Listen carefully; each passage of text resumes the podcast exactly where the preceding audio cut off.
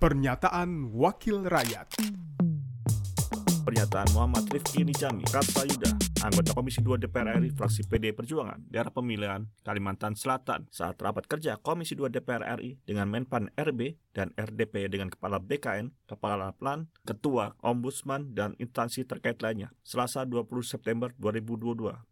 Untuk Ombudsman, kami menyambut baik keinginan untuk menghadirkan RUU Ombudsman.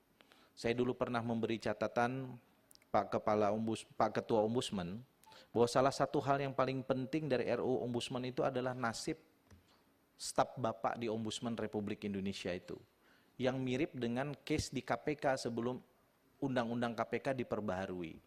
Mereka bukan ASN, bukan PNS, bukan P3K, stafnya Ombudsman, lalu mereka mau kita transfer Pak Bima untuk menjadi ASN nggak punya dasar hukum kita. Karena itu RUU-nya harus dilakukan. Tapi kalau anggarannya 5M, saya sarankan lebih baik Bapak bernegosiasi dengan Presiden dan Ketua DPR agar nggak usah di Bapak duitnya, di kami saja. Itu. Kalau 5M itu kan berarti kan nanti penggodokan awal RUU-nya dari Ombudsman itu sendiri. Tinggal kasih ke kami, saya pikir itu bisa.